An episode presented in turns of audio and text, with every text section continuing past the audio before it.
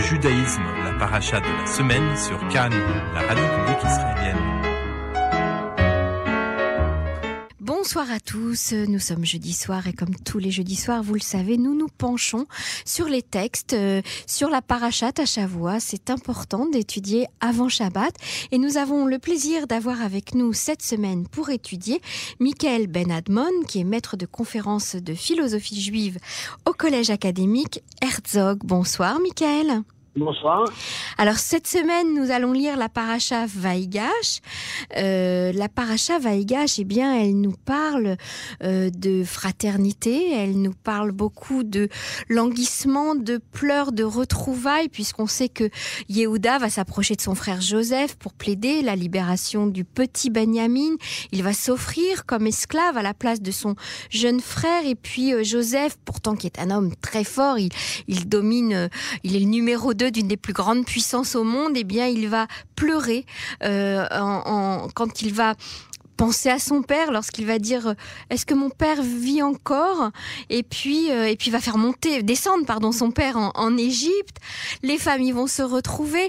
Enfin c'est une paracha très très émouvante très dramatique aussi et, et qui est chargée de à la fois donc en, émotion, mais aussi de, sens et de, et de simanimes, de, de signes, non? Oui, tout à fait. C'est très intéressant parce que euh, c'est une paracha en effet qui, qui met en avant l'humanité des, des, acteurs. En mettant donc euh, euh, Yosef, euh, Yuda dans des situations émotionnelles très très fortes. D'un côté le pleur, la volonté de se retenir, la colère et la, la retrouvaille. Et je pense que c'est une des parachutes où on a, d'une façon très très pointue, dans la Torah, l'idée de l'anti-héros. Euh, C'est-à-dire un héros, généralement, c'est celui qui maîtrise euh, la situation, c'est celui qui mêle les, euh, la réalité avec, avec les ficelles, c'est celui qui ne tombe pas dans les, dans les euh, revers émotionnels des situations. Or là, justement, Youssef, tout ce qu'il essaye de, de, de, maintenir la situation en, en, en, maîtrise, eh bien, il perd les pédales et puis il se met à pleurer et puis et voilà quoi, c'est la fameuse rencontre, la fraternité, tant attendue et, tant oubliée. Alors vous pensez que c'est justement un modèle ça?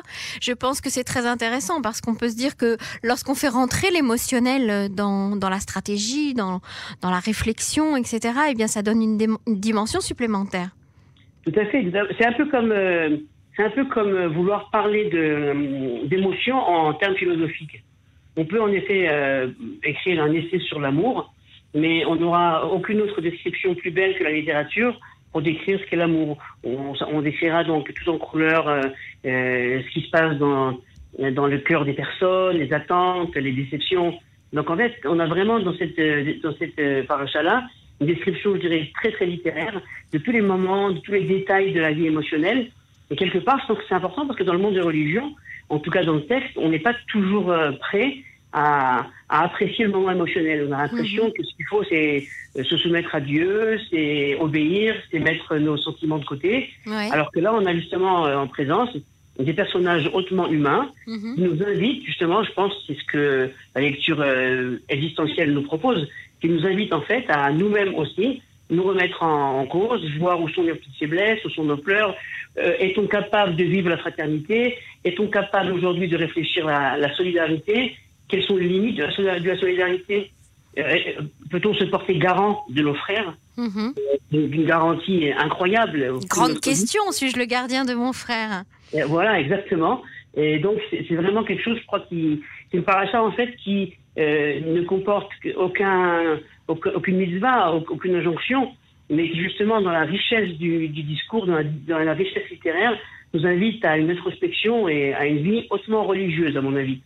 Hautement religieuse, pourquoi ça? Bah Parce que je crois que la religion, en fait, se situe dans le monde juif au moins à deux niveaux. D'un côté, elle se situe dans l'acceptation de la norme euh, de la Torah, la halakha, mais de l'autre côté, eh bien, elle se situe également dans la compréhension que la relation de l'homme envers lui-même est un prérequis pour pouvoir justement appréhender le monde de la religion. On ne peut pas imaginer une personne qui euh, qui serait loin d'elle-même, qui ne connaissait pas, qui ne connaît pas ses, forces et ses faiblesses, qui ne sait pas ce qui le rend joyeux et ce qui le rend triste, qu'est-ce qui le met en colère. Et, puis cette personne-là serait à ce moment-là donc euh, adonnée à la religion sans se connaître soi-même il n'y a pas de rapport possible ni à l'autre ni à Dieu. On a une sorte de triangle nécessaire qui, permet la religion. Moi envers moi-même, moi envers l'autre et moi envers Dieu. Je crois qu'en fait, la relation première de l'homme envers soi-même, c'est une nécessité sans cette, cette relation première, on n'a pas de possibilité de, de, regarder le ciel ou de, regarder, de regarder l'autre. Mais ça, prend, ça peut prendre des années, ça, euh, Michael Benadmon? Je crois que c'est ça, le, ça le point essentiel d'une vie religieuse. Non pas d'une vie euh, pratiquante, euh, Donc en fait, on peut être pratiquant, euh, on peut être pratiquant dès, le plus jeune âge, mais on devient religieux euh, lorsqu'on a pris un petit peu, on va dire un peu plus de sagesse, un petit, un tout à fait, parce qu'en fait, je dirais avec plus de, radicalité, on peut être pratiquant toute sa vie sans jamais avoir aperçu une mhm. honte de religiosité, et on peut être religieux toute sa vie sans s'être approché de la pratique. C'est très intéressant, en effet. Et, donc là, on est, en effet, on est dans le, et on a les deux pieds dans le monde juif. On est les dans le monde juif, seulement, évidemment, ce qui demande euh, plus d'efforts, c'est cette introspection. Euh, c'est un peu comme les personnes qui arrivent en Israël et qui apprennent l'hébreu. Il y a toujours une grande satisfaction à connaître la grammaire hébraïque qui se maîtrise assez rapidement. Mais savoir la grammaire, c'est pas encore savoir parler. C'est un peu la même chose. Savoir la pratique, savoir la halakha, c'est pas encore être quelqu'un d'authentiquement religieux. Mhm. Absolument. Alors il y a quand même euh, quelque chose qui, nous interpelle aussi euh, dans, cette paracha, c'est lorsque euh, eh bien Dieu dit n'hésite point à descendre en Égypte car je t'y ferai devenir une grande nation. Moi-même je descendrai avec toi en Égypte. Moi-même je t'en ferai remonter. Alors tout d'abord je vous dis personnellement ce qui m'interpelle, hein, Michael Ben Admon, et puis vous, vous nous dites ce que vous en pensez. Tout d'abord, comment Dieu descend en Égypte? Est-ce que Dieu n'est pas partout? Euh, Ça, c'est ce qui m'a un petit peu sauté aux yeux. C'est la première question. Et, la, deuxième chose qui m'est venue aussi à l'esprit en, lisant ça, c'est aujourd'hui, il n'y a plus de Juifs en Égypte. Oui. Alors, je pense que la première, euh, la première euh, remarque, en fait, peut être comprise par certains diasporistes comme justement une une compréhension non territoriale du judaïsme, où que soit le peuple juif, eh bien, le, eh bien Dieu est avec eux. Et euh, on n'aurait pas pu survivre en, en 2000 ans de diaspora sans cette conception. Imaginez-vous euh, un Dieu local et uniquement situé sur la terre d'Israël, un peuple euh, en diaspora, il n'y aurait eu aucune possibilité de, de continuité. Donc c'est un message important, en effet, qui n'est pas toujours, je veux dire, dans l'idéologie sioniste ni chez les religieuse, en effet, où que le juif aille, eh bien, eh bien, Dieu est avec lui, eh bien, il y a une, une propension à, accéder au divin. Mhm. Ça, c'est le, premier point, je pense que c'est un point important. Il nous permet également aujourd'hui de reconsidérer les communautés de diaspora sous un œil non paternaliste.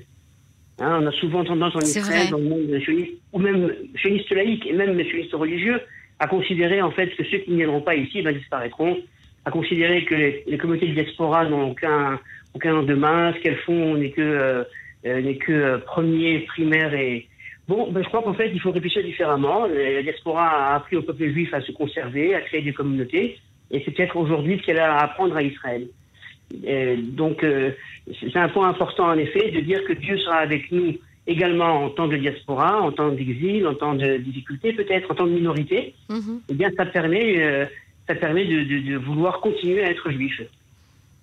Absolument. Et, aussi le fait qu'aujourd'hui, il n'y ait plus de juifs en Égypte Alors ça, là, on touche, encore une fois, on, peut en traiter à la fois, euh, on, peut, traiter cette question à la fois en termes, euh, je dirais, métaphysiques, euh, interdiction religieuse de retourner en Égypte, c'est-à-dire interdiction pour l'esclave de se remettre en position d'esclave alors qu'il a été libéré, mhm. mais également en termes géopolitiques, on parle beaucoup aujourd'hui des, des, juifs des pays arabes, un million de juifs des pays arabes qui ont été, qui ont été chassés et qui ont été spoliés, on n'en parle pas beaucoup, mais c'est une réalité absolument importante à connaître. Tout à fait. Et, ça, je pense que c'est vraiment un point, euh, un point nécessaire. Hein. On est aujourd'hui, euh, euh, au niveau de l'actualité, toujours contrebalancé dans, dans, nos positions israéliennes.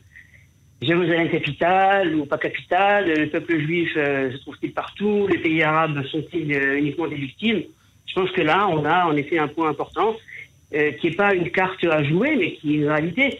En effet, le peuple juif, qui jusqu'à la fin du XIXe siècle était majoritaire dans les peuples, dans les pays d'islam, eh bien aujourd'hui, on a disparu totalement.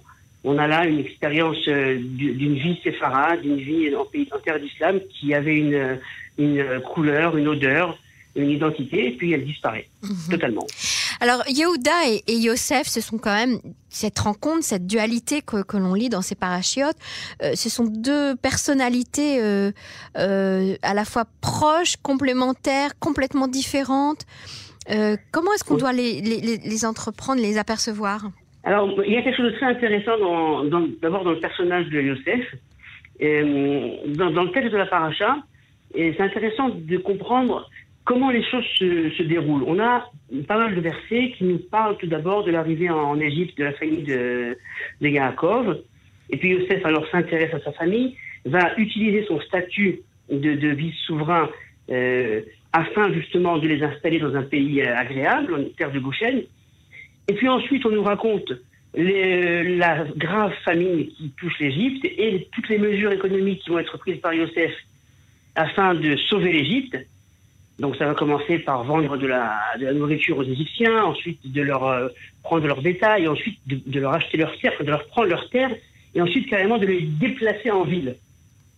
Donc Yosef a une politique économique, et ensuite on revient encore une fois au fait que la famille de de Yaakov, placée en terre de Goshen, alors que l'Égypte entière est en famine, donc en temps de famine généralement, il n'y a pas trop d'évolution démographique, et bien cette famille de, de, elle par contre, va se développer, va être prospère. Je crois que c'est intéressant d'essayer de comprendre, est-ce que Youssef, là, a usé de son statut politique élevé euh, en faisant, en fait, je dirais, une, en, ayant une politique préférentielle pour sa famille, sur le compte de l'Égypte, ou alors y avait-il autre chose? Je crois qu'on a une question qui est essentielle, là, même aujourd'hui. Quel est le statut, la place, la fonction d'un leader juif donc d'un juif qui est arrivé à un poste important au niveau politique, doit-il mener des politiques préférentielles envers ses frères, si, même, même s'il sait pertinemment qu'à la suite de cela, on va arriver à l'antisémitisme, ça, ça a toujours marché comme ça, mm -hmm. ou alors il doit rester dans une position assez neutre, même en tant que juif, et justement ne rien, ne rien dire pour ne pas éveiller les foudres de, de la population locale. Très grande que, question. Et je crois que Yosef, on peut lire le texte de, de la Torah de différentes façons, mais j'ai lu cette semaine un, article du euh, Rav Talir Granot qui lui propose justement une lecture un peu euh, audacieuse et qui dit que Yosef eh bien, a véritablement utilisé son statut politique euh, égyptien afin de préférer sa famille aux Égyptiens. Hmm. Et on a quelque chose là qui est, je dirais aujourd'hui, insupportable à entendre. Ouais, complètement. Cas, hein, pas, en tout cas, c'est pas du tout politiquement correct de le dire. Non.